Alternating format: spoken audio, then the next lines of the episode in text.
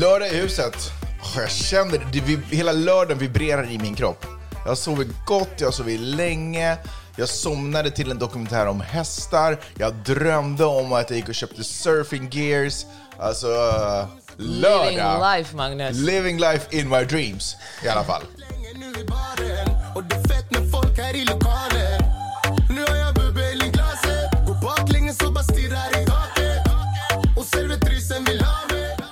Jag ska kanske tillägga att det är lördag för oss som lyssnar live på den här podden på Clubhouse och eh, kanske torsdag, onsdag, tisdag för de som lyssnar på podden. Det tar ju väldigt, väldigt länge innan du lägger upp den. Vi har så mycket jag måste drömma om.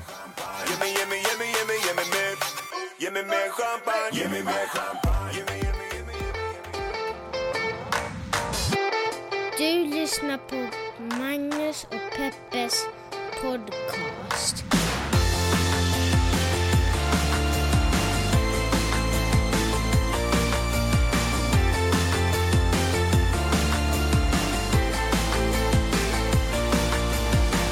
Jag är peppad till tårna. Alltså jag är så...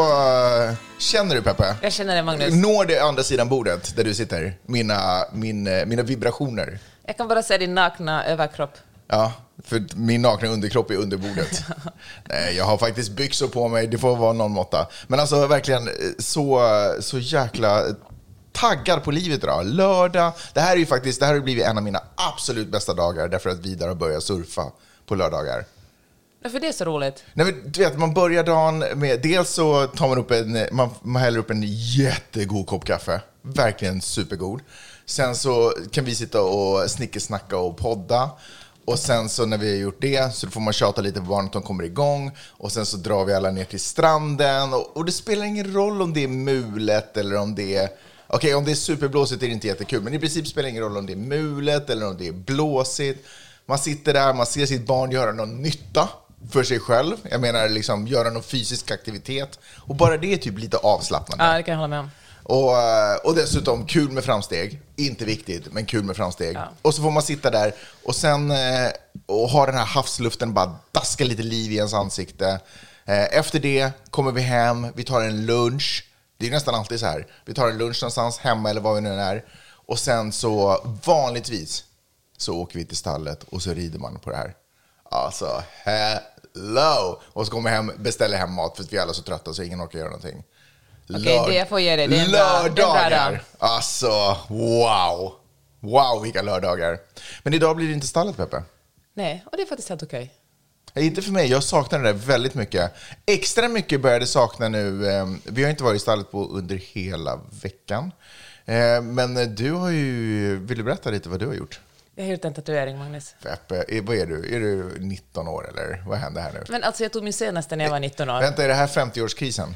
Är det... Den får du snacka. Jag vet, vet du vad, jag har tänkt på det där mycket. Vad ska jag svara på den frågan? För folk kommer och är lite sådär... Du tror det är andra som bara sådär att jaha, det här är någon sorts medelålderskris. Mm, Just det. Men jag känner verkligen inte en kris i min kropp. Jag känner mig sådär att jag borde kanske känna en kris. Du vet, Men så jag undrar, känner folk som har medelålderskriser av sina... Ja, men det måste de väl göra? Man mår dåligt, man tycker det är jobbigt, man blir gammal. Jag tänker att det är det som, nu måste jag förnya mig. Och så köper man en Harley Davidson eller tatuerar sig. Vet du- Skaffar en älskarinna. Ja, du ska vara jävligt glad Magnus, du skaffar en tatuering och inte en älskare. Det är sant. Eh, men den tatueringen som är otroligt snygg, om, du- om du frågar mig. Alltså jag är verkligen jättestolt över dig, Peppe. Eh, än så länge ser det ju bara ut som någon har ritat den med bläck, så vi får se om den sitter kvar om några veckor. Eh, man har, du har bara satt plast på den för att liksom skydda bläcket så att inte det ska gnuggas av. men vilket fall som helst. Och på den eh, tatueringen så rider ju du en av hästarna upp i stallet. Eller du, liksom, ja, ni förstår vad jag menar. Eh, och då fick jag igen den här, åh, jag vill upp dit igen. Jag gjorde så mycket framsteg senast, jag vill verkligen tillbaka dit, jobba med, jobba med sporrarna. Ja, men det ska du få göra. Det ska jag är peppad. Jag är peppad, jag är peppad. Du, apropå eh, medelålderskris. Ja. Eh, för att det där, det där, jag känner ju att när jag blir 50 så kommer jag ju göra någonting som folk kommer titta på mig och vara sådär, Stackarn, hur mår du egentligen? Liksom, är du okej? Men vänta lite, vad är alternativet då? Ska man sitta hemma och knyppla liksom? Eller ska liksom kasta sig själv ut för ättestupan? Nej men vet du vad? Tanken är att man ska vara lugn och trygg i sig själv vid den tiden. Och allting ska ha stabiliserats. Så det man egentligen gör är att man bara rider på den sista vågen in i döden. Den sista vågen. Men herregud, ja, men, det är, men för, folk, för det första så tror jag att det kommer från en tid då folk inte blev hemskt mycket äldre. Sant, men vår generation kommer att leva till minst 90, tänker jag. Okej, kanske inte männen, men vi som kvinnor större om kommer att vi kommer bli det. 140 år. Det pallar man ju fan inte. Ska jag hålla på och tjata om mina ungar i... Har jag liksom inte ens kommit hälften in i mitt liv? Det går inte. Men det, det, det som är 140 år. deppigt är att om man är gammal med att man är 50 och 140. Alltså man är Ja, ja, gammal i precis. 90 Exakt. år liksom. Ja, exakt. Precis, man sitter... Vad man än gör så är någon där och pekar på en Ja. sådär medelåldersgris. Haha. Exakt. Men hörru, min stora referenspunkt till medelålderskriser, eh, medelålderskriser, det är, vad fan, nu måste jag tänka här, fem myror är fler än fyra elefanter. I det programmet så var Magnus Härenstam, Eva någonting och Brasse, Brasse, just det. Så Brasse, när han blev 50 år, då såg man typ i Expressen och Aftonbladet hur han åkte omkring på en Harley Davidson, någonstans kanske i Sverige, kanske i Europa, vad vet jag. Och instinkten, alltså jag var väl, jag kan ju inte ha varit många äpplen gammal liksom. Men instinkten var då, eller så här, jag tror, eller då presenterades det första gången för mig typ så här, "Åh, det här är medelålderskris, det är därför han åker omkring på motorcykel. Men jag kan med handen på hjärtat säga att om jag köper någonting när jag är 50 är för att jag då äntligen, äntligen, efter 50 år har råd att göra det. 100 procent.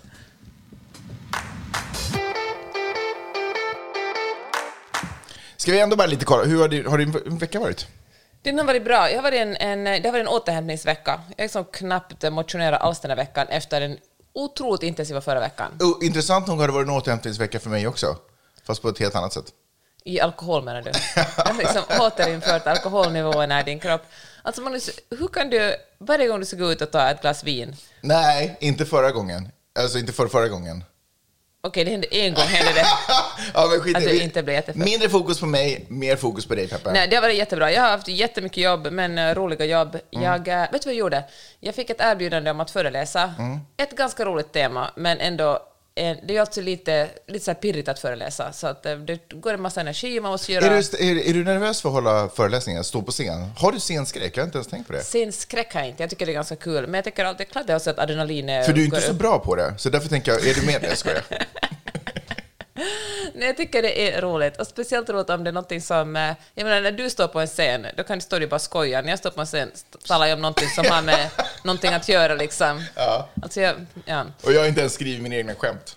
Nej, precis. Men, eh, men då var jag sådär, nej, alltså fan roligt uppdrag, men det här är helt fritt. Och de har erbjudit mig så lite betalt att jag liksom inte ens ville gå in och, och uh, på mejlet?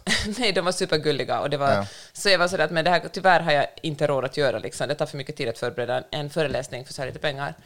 Och, eh, och de bara, ja men tusen tack. Och sen följande vecka hörde de av sig och var sådär försiktiga. De bara, att nu har vi försiktigt av oss och frågar Nu har det gått en vecka, vi har sparat ihop lite mer pengar.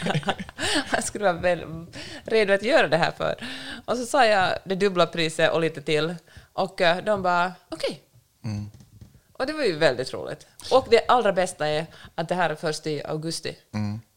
Du, psykologin med att be om pengar, du dubblade priset. Ja. Är, det för, är det så här, är det, för jag kommer, kommer ihåg att vi har en eh, vän och tillika Vidars gudmor som sökte ett jobb som var så här, "Äh, jag vill typ egentligen inte ha det. Eller jag vet inte om hon har blivit erbjuden ett jobb. Hon blev headhuntad typ. På LinkedIn. Just det. Och, ville, och var inte superintresserad, tyckte det verkade inte så intressant och satte ett skyhögt pris. Jag tror hon triplade sin Ja. årslön. Så att, att komma med sådana här klumphöjningar, är inte det egentligen, jag är egentligen inte intresserad av det här. Ja, kanske det. Men var det det du försökte säga? Tydligen kan man köpa mig för, om priset är rätt så. Ja, men man är ju stekt och det blev ju Ja. hon också, för hon var ju tvungen att ta det jobbet, för Ja. de gav ju henne de Men pengarna. det gjorde att de flyttade till Dubai och hon konstigt nog älskar hon ju att bo där. Ja. Men, Men oavsett, det men- nej, det här tycker jag faktiskt är ett, ett, ett roligt uppdrag. Och det som är roligt, alltså vet du varför jag älskar att jobba som journalist och att föreläsa, är att man får grotta ner sig i ämnen som man annars bara kanske svischar förbi en i livet. Mm. Men hur tänker du när du sätter prissättning? Försöker du... eh, jag har tänker- du ett jag vill göra pris också? Ja. Jag vill göra det här. Ja, ja, ja. jag vill sällan... Ja, Är det en av faktorerna när du... Vet du, det beror på. Just nu har jag supermycket jobb och då tänker jag att om, och då vill jag liksom inte ta på mig en massa annat som, eh, som Tar jättemycket tid, ja. tid och då, tänk, då blir jag liksom ganska dålig på allting. Men jag tänker så här när jag sätter priset, ungefär hur många timmar det kommer att ta att förbereda, sen tar det alltid lite längre. Och så tänker jag att Journalistförbundet rekommenderar ungefär en knappt 1100 kronor i timmen. Mm. Och då tar jag det, lägger på lite och sen... Just det, lite LA-kostnader. Nej, men Tatueringar, you know, shit you need to Peppe have. ska leva, Peppe ska leva. Jag Vad fan, nej, men Nej, alltså, jag, är över, jag är över 40, jag har två mastersexamen, jag har fan Mm. jobbat länge i olika... Alltså, ja, jag är inte nyutexaminerad, jag förtjänar att, att lägga på lite. Mm. Tur att att jag inte tryck- krydda lite där. Tur att jag inte tryckte på någon punkt i alla fall. Härligt. Ska vi sätta igång med podden? Ja.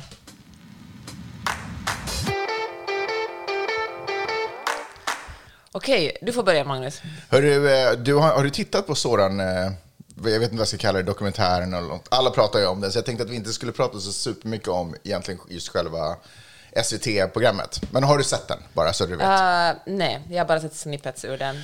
Alla Snipp- försöker säga att jag ska se den, men jag verkar så otroligt... Alltså jag läste... Ja, men du behöver verkligen inte se den. om Men jag ändå, Ja. de här snippetarna som du har sett, var, Ja. var det något som stack ut för dig? Att han ser så blek och uh, rädd ut.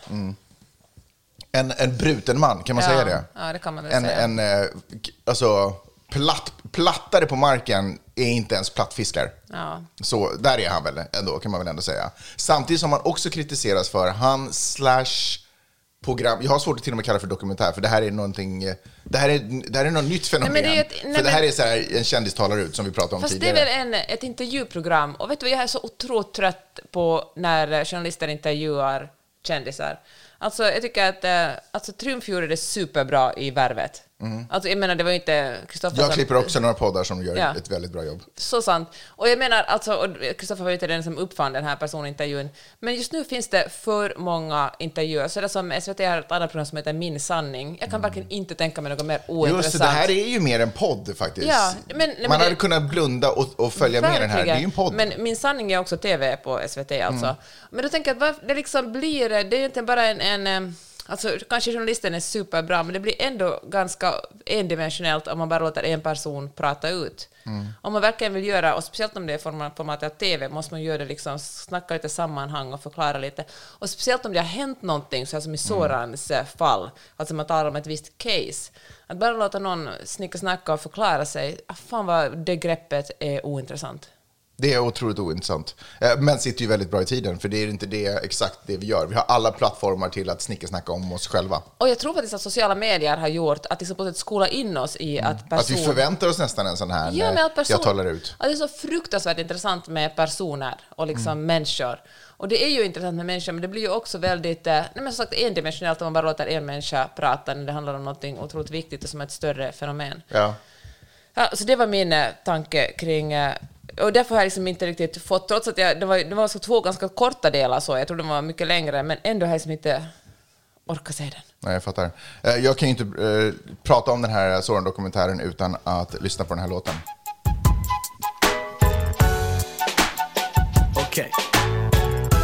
Vaknar i gryningen, fixar till frisyren igen Kollar mig i spegeln, det är samma gamla syn igen Bokar en kopp te och bläddrar genom skvallerpressen Tänker att de orkar med men faller själv för frestelsen och talar ut.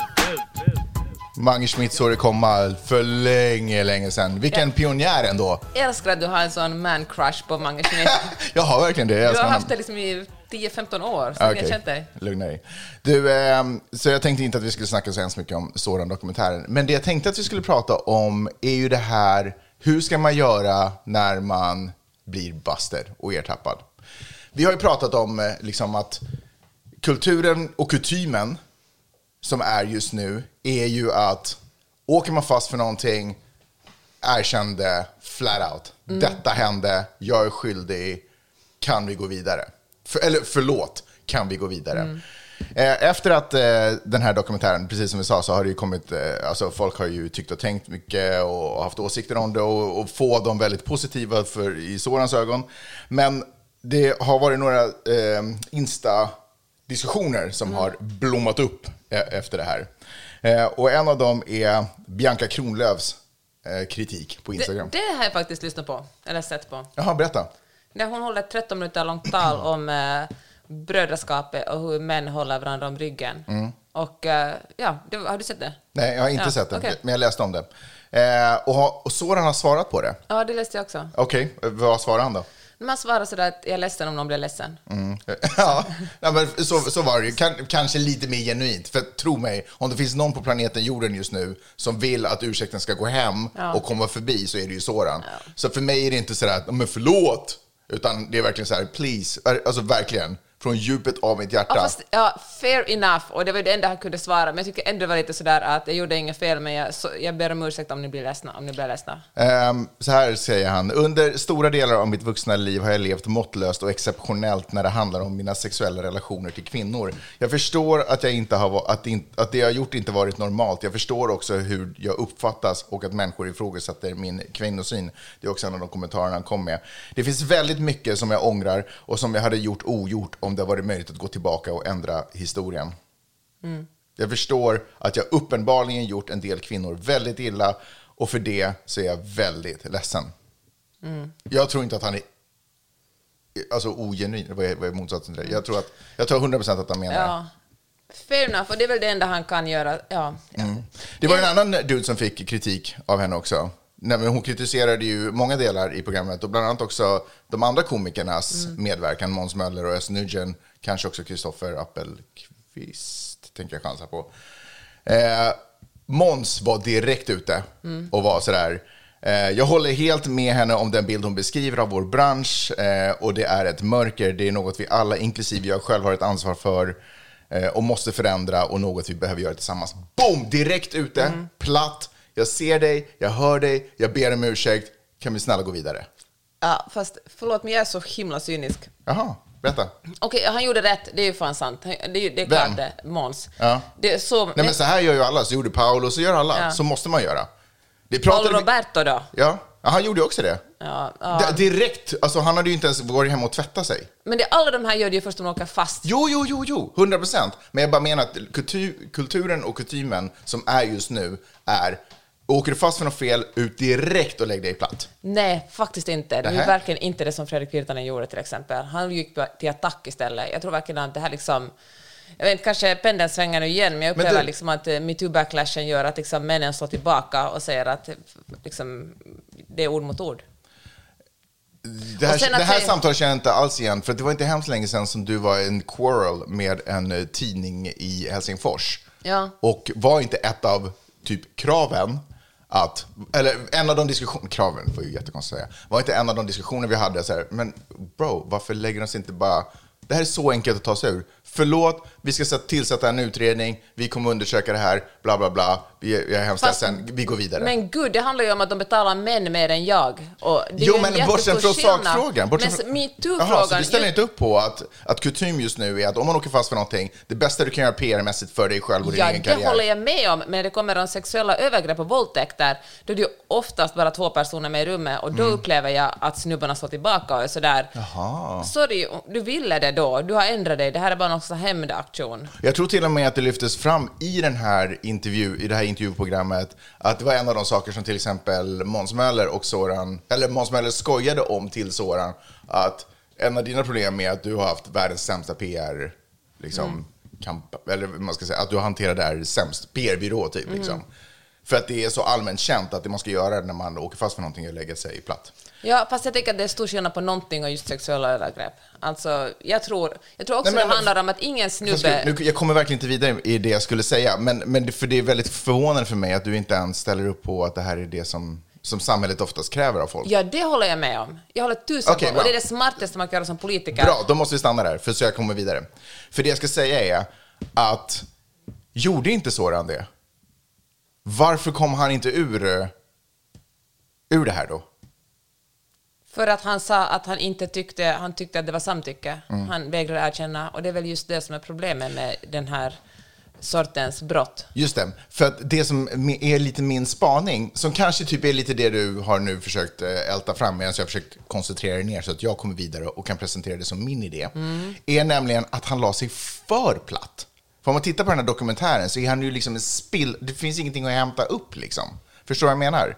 Att om man hade hållit sig lite sådär, förlåt jag ber om ursäkt och fortsätter börja stand-up så tror jag världen bara hade... Ö, vad hände där? Oh, det var konstigt. Uh, Okej, fine. Han verkar ju vara oskyldig, för varför skulle han annars stå på en scen? Förstår du vad jag menar? Alltså nu menar inte jag att man ska hantera situationer så här ur ett strategiskt, ur ett tra- strategiskt perspektiv. Man ska ju stå till svars för vad man gör. Och har man gjort sig skyldig till ett brott så ska man ju, känna, ska man ju få ett straff. Liksom. Det är väl så, så tänker jag att det är. Jag bara, nu tänker jag helt cyniskt ur, ur en underhållares liksom, hur, hur en underhållare kan komma vidare och jobba vidare. Om vi tittar på Aziz Ansari, helt andra anklagelser, first of all, så det går ju i och för sig inte att jämföra. Där var det ju liksom, han var ju anklagad för tjatsex, men det kunde också ha nog förstört hans karriär om han hade liksom Men när har du senast sett honom i någonting? Han är inte, sant att han inte har gjort Master of None på länge, men han gjorde en ganska uppskattad stand-up efter, inte långt, inte superlångt Ja, men efter. okej, fair enough. Där han ganska Ja. snabbt tog tag i den biten i den showen och var sådär, eh, ni undrar säkert hur jag tänkte på det här. Just det. Och så Ja. liksom made amends, och sen gick han vidare i sin stand-up-karriär, ish, Mm. kind of sort of. Louis CK? Också helt andra anklagelser, gjorde en helt annan väg, men är nu på väg tillbaka.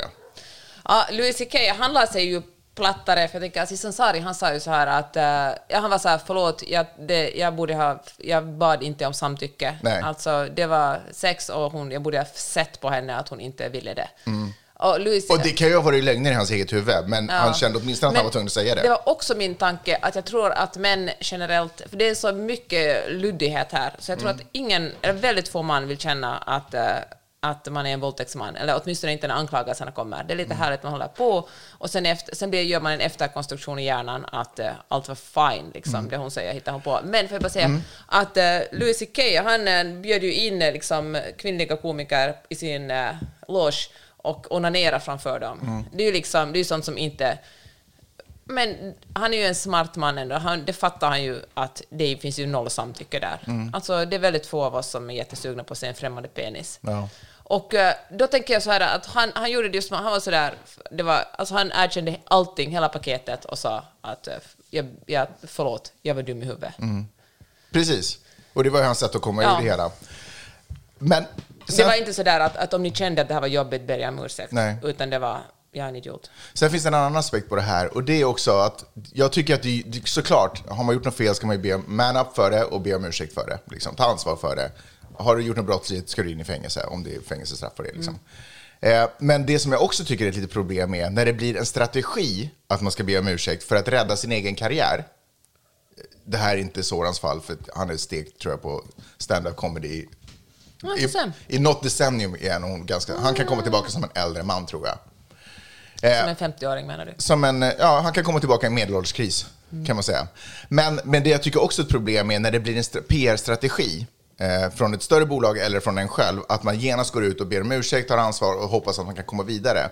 För då tycker jag också att mycket av genuiniteten försvinner i det hela. Om vi bara förväntas direkt, så fort någon anklagar oss för någonting på Instagram, det kan vara, det kan vara stora saker, men det kan också vara helt onödigt, alltså puckade grejer som man blir anklag, anklagad för. Om, då, om det hela tiden då ska vara att jag förväntas lägga mig platt bara för att komma vidare.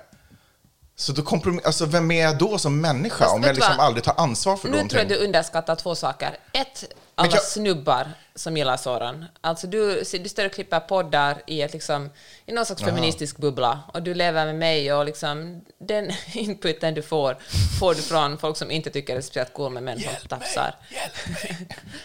Och eh, två, hur media-Sverige gör vad som helst för att vara lite originella. Alltså, en varg söker sin podd kommer att försvara Soran om två månader. Okej. För att ha liksom en fresh take på vad som hände.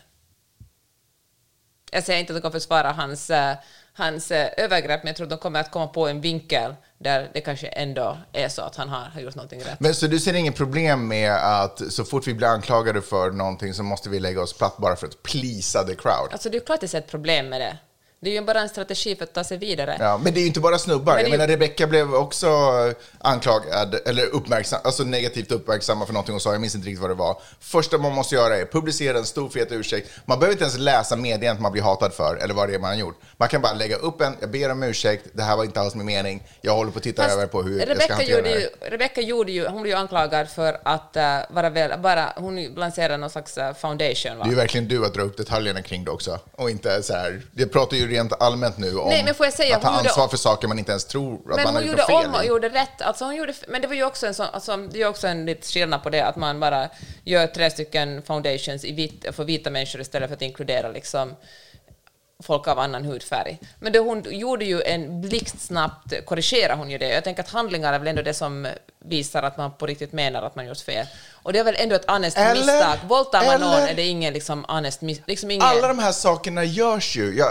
om, om jag bara kan få lämna Rebecca utanför det så att inte någon tror att jag vet någonting eller tror att jag har någon åsikt om just hennes case. Men alla, de 90% upplever jag av alla de här ursäkterna som kommer av mediepersonlighet eller av personligheter i, i Sverige är för att rädda karriären, inte för att man tar ansvar för vad som egentligen har hänt. De flesta tror jag, eller många, håller inte ens med om kritiken de får, men det är bara det enda att man kan göra. Fair enough. Jag, Och då är det ju bara bullshit. Då är det ju massa människor som har åsikter i ändå under ytan. Fast jag tycker för det första är det jätte... Jag tycker det som Bianca Kronlöf sa som jag fastnar vid. Hon sa så här att kvinnor fälls för att de säger, använder fel ord eller säger fel sak.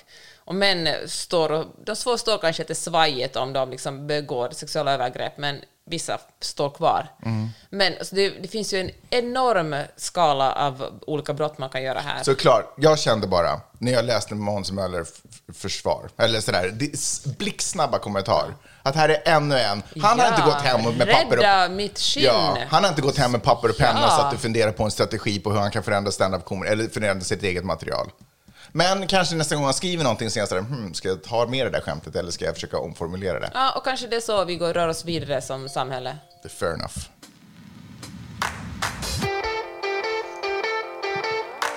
Jag har tänkt på alla dödsskjutningarna i det här landet. Oj! Alltså fy fan vad de ploppar. Alltså det märker verkligen att folk börjar vara, folk börjar vara vaccinerade ute på stan igen.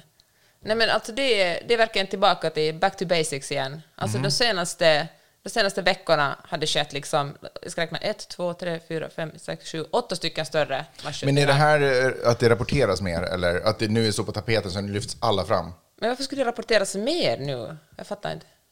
Vad menar du? Därför att det är ju ganska aktuellt. Det pågår ju om inte annat en av de största rättegångarna sedan Rodney King pågår just nu på just det temat. Så därför tänker jag att alla dödsskjutningar verkligen lyfts fram. Att vi nu får se större siffra i media än vad vi är vana att se därför att folk rapporterar inte det här på samma sätt. Men det tror jag verkligen inte. Jag tror fortfarande att en, en som masskjutning är en så chockerande grej att man inte... Alltså varför skulle man inte rapportera om det? Massskjutning?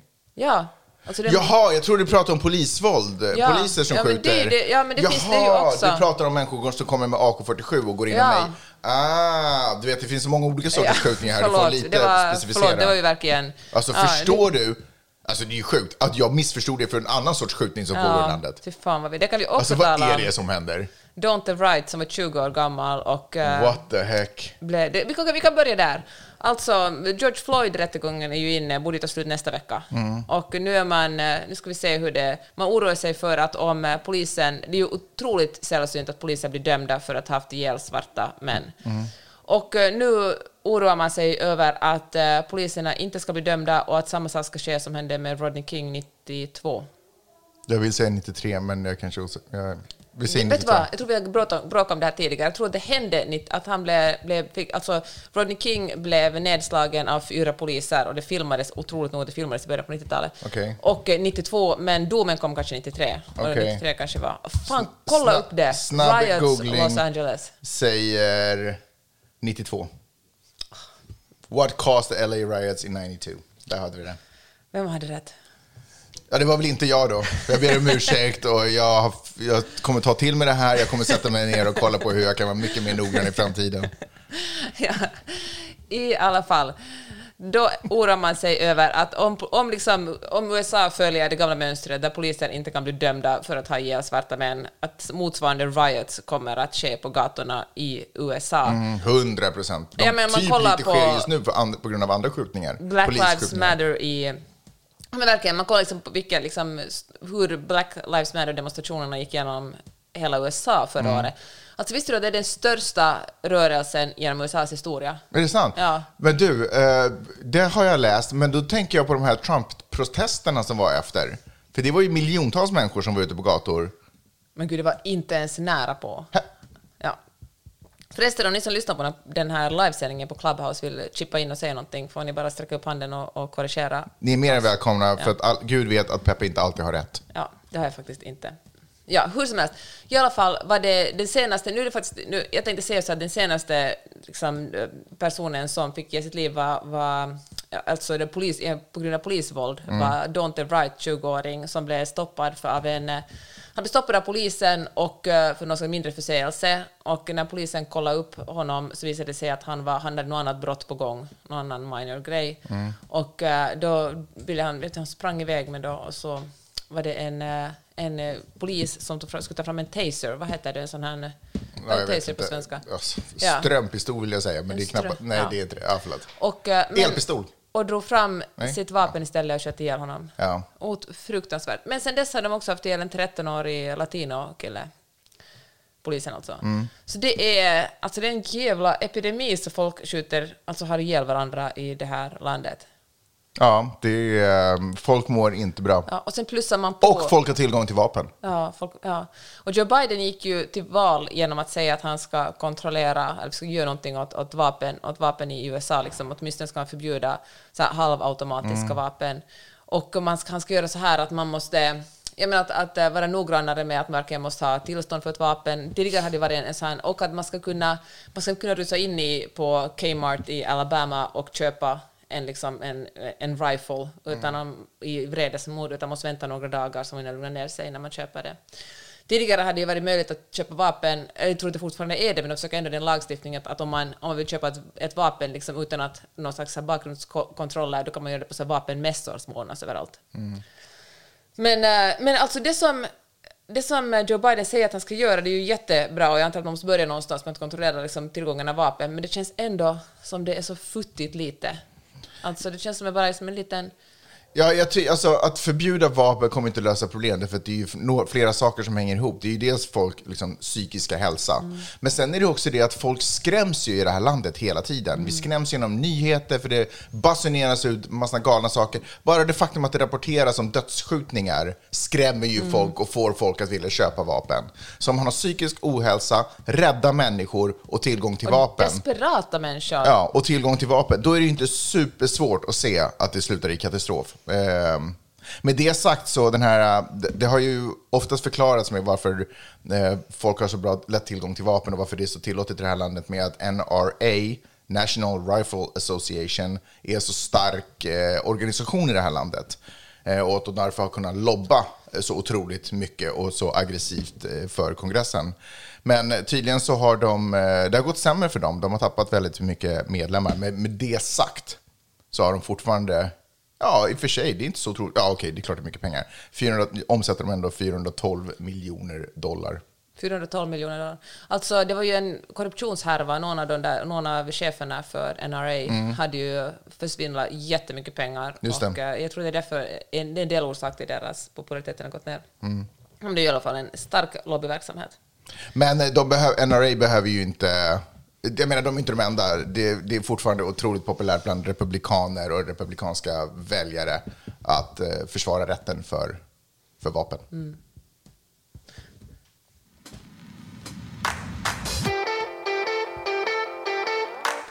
Nu kommer vi till poddens drogsegment. Äntligen! Jag har skrivit en, en längre artikel om uh, weed Jaha. och eh, vill därför tala om det. Visste du att eh, man i USA pratar om att avkriminalisera marijuana i hela landet? Eh, det visste jag inte. Hela landet?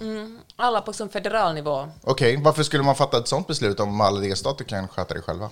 Men delstaten håller på och snackar om att eh, lega- legalisera eller inte legalisera. Mm. Och faktiskt den senaste delstaten som legaliserade weed är Virginia.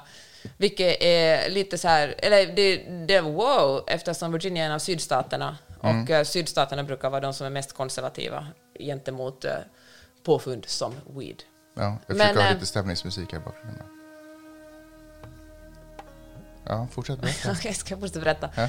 Okej, i alla fall så här är det. Och då kan man tänka sådär att i ett land där folk skjuter ihjäl varandra och eh, våld, folk är rädda, det finns liksom mycket våld, är det verkligen det smartaste då att, eh, att legalisera droger? Men eh, orsaken till Mm. Kan att bara, man... Det är ju inte liksom droger generellt. Crack cocaine kommer inte vara Ja. tillåtet på gatorna och, och Fast vet sånt. du vad, crack cocaine, jag tror de håller på att experimentera det någonstans i Oregon med att också avkriminalisera det. Okej, men jag tror att vi inte, det är liksom Men inte vi talar 2022. Nej, vi talar... eh, vet du vad det är för... Är kanske det. Crack cocaine. Men, det, men alla droger, så som man gjort i Portugal.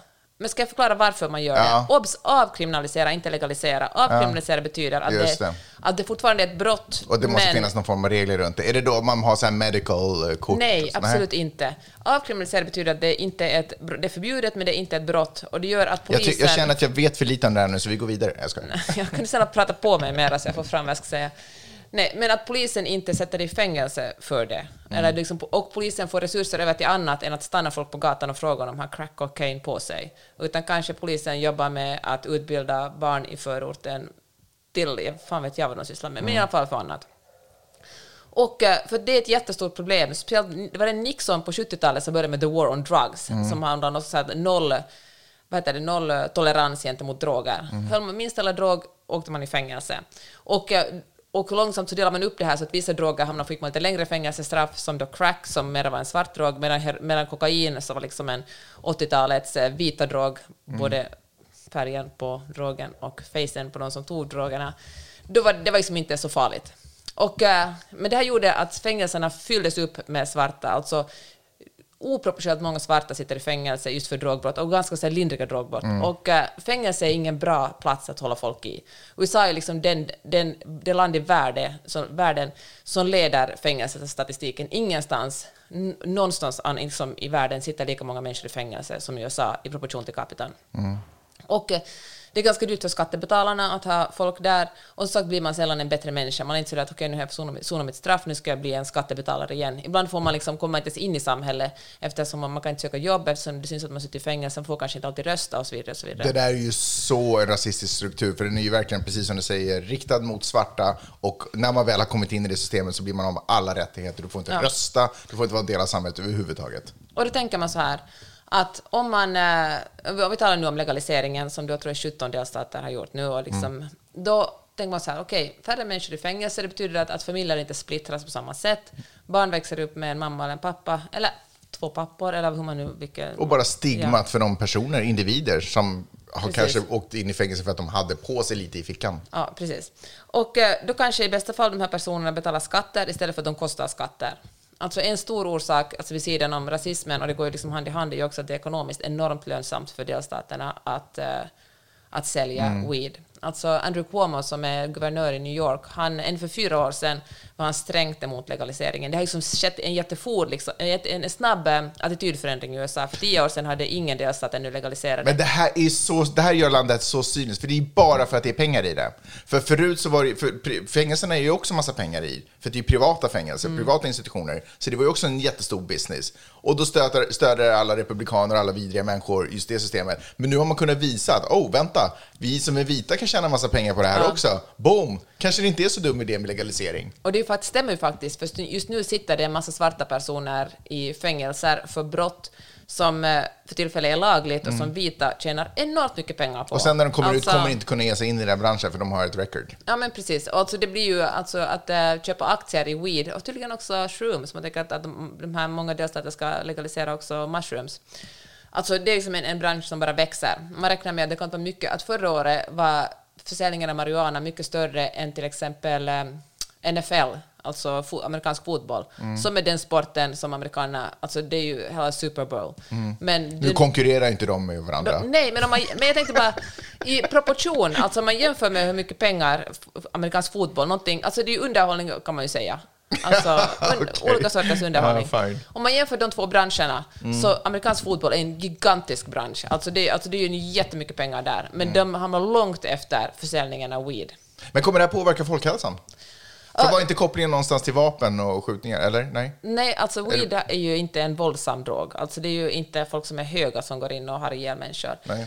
Eh, så här säger man liksom att, att det, tydligen är det ganska sällsynt att eh, folk, eller det, är liksom, det finns inga bevisliga fall på att man har OD på, på weed.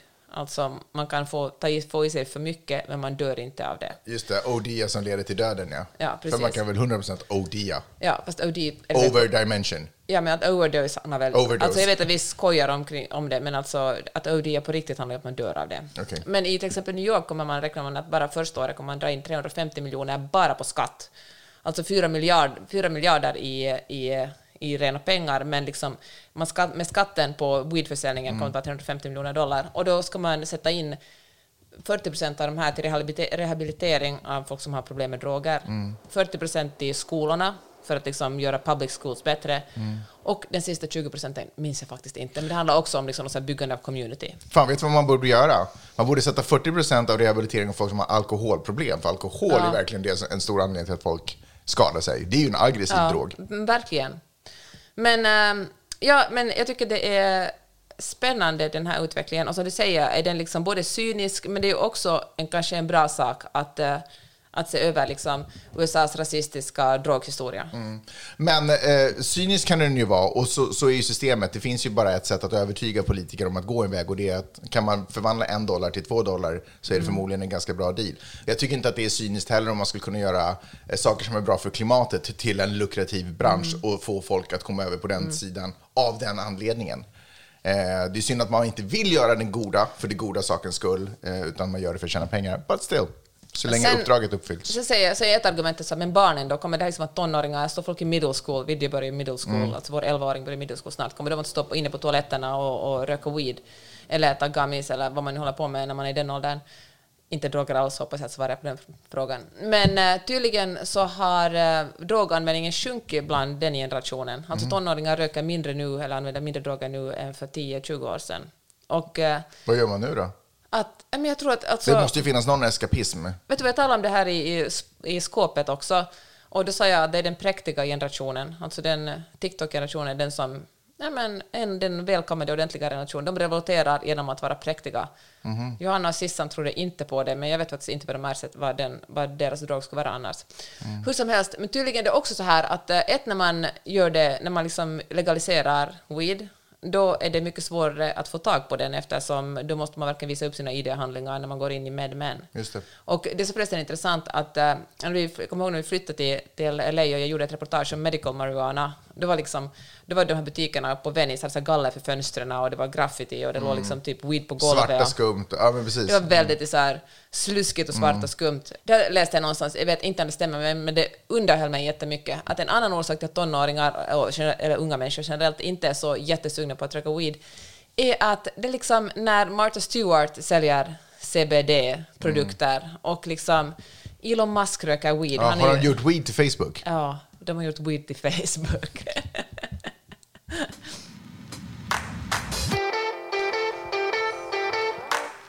Hör du, ehm, Bachelor?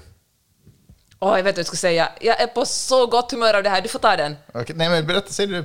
Men alltså, men jag kommer inte ihåg vad den heter. Ja, men Carlton Underwood. Colton Underwood.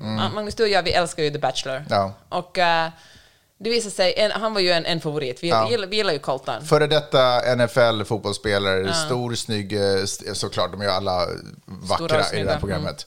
Eh, men eh, han, eh, var ju, han gjorde ju sig känd som mannen som var, han var oskuld. Hade han, Han kysst någon? Nej, han var oskuld. Ja, han var det. oskuld. Jag vet inte om han gav det till någon där, men nu visade det sig att han är ju gay. Han kom ut som gay.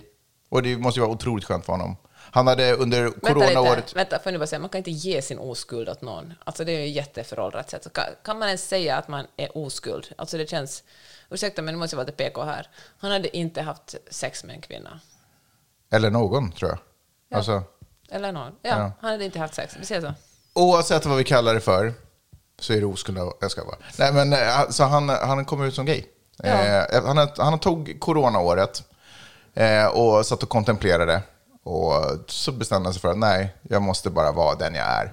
Jag blev så lycklig. Alltså jag vet så att håren står upp på mina armar. Alltså jag Oj, är så lycklig. glad. Ja, men jag kände, fan Colton, du, du har hittat dig själv. Jag känner att han har dels slösat bort en hel säsong, alltså jag slösar bort en hel säsong på att sitta och titta på att han ska finna kärleken. Känner- Och så var det fel playground. Liksom. Så du är personligt kränkt över att han är gay? Ja, men du kommer ihåg, det är han som gör det här enorma hoppet över... eh, Kommer du ihåg alltså det där legendariska hoppet över den där porten Över som var porten, liksom Ja. fem meter hög? Han sa ju att när han blev accepterad till The Bachelor och var med i Bachelor så, vad heter det, så bad han till Gud, för det gör många här, och var så, så otroligt tacksam för att Gud hade visat honom att han är straight. Alltså förstår du vad män i det här landet går igenom? Herregud, och så lägger vi till enkelt att skaffa vapen. Alltså folk bara mår så dåligt för folk får bara inte vara de de är. Ja, Eller det är så faktiskt. otroligt svårt, det är klart de får, uppenbarligen, för han är. Eh, men han kommer ju, du vet, han kommer från en fotbollsvärld, Mm. väldigt liksom, ja, han har nog inte haft det lätt.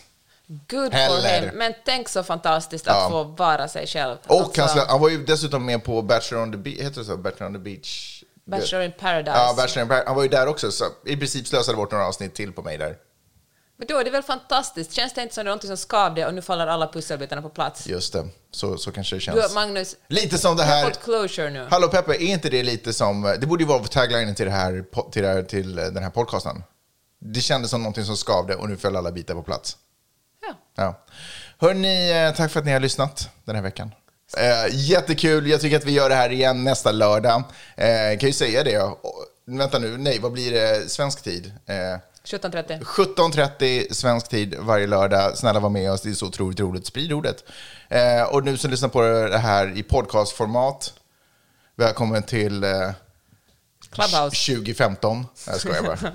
eh, välkommen till Clubhouse också. Och där får man som sagt vara med och och dela med sig om man har tankar och åsikter. Hörni, vi hörs om en vecka igen. Det gör vi. Ha det så bra! Hej då! Hej!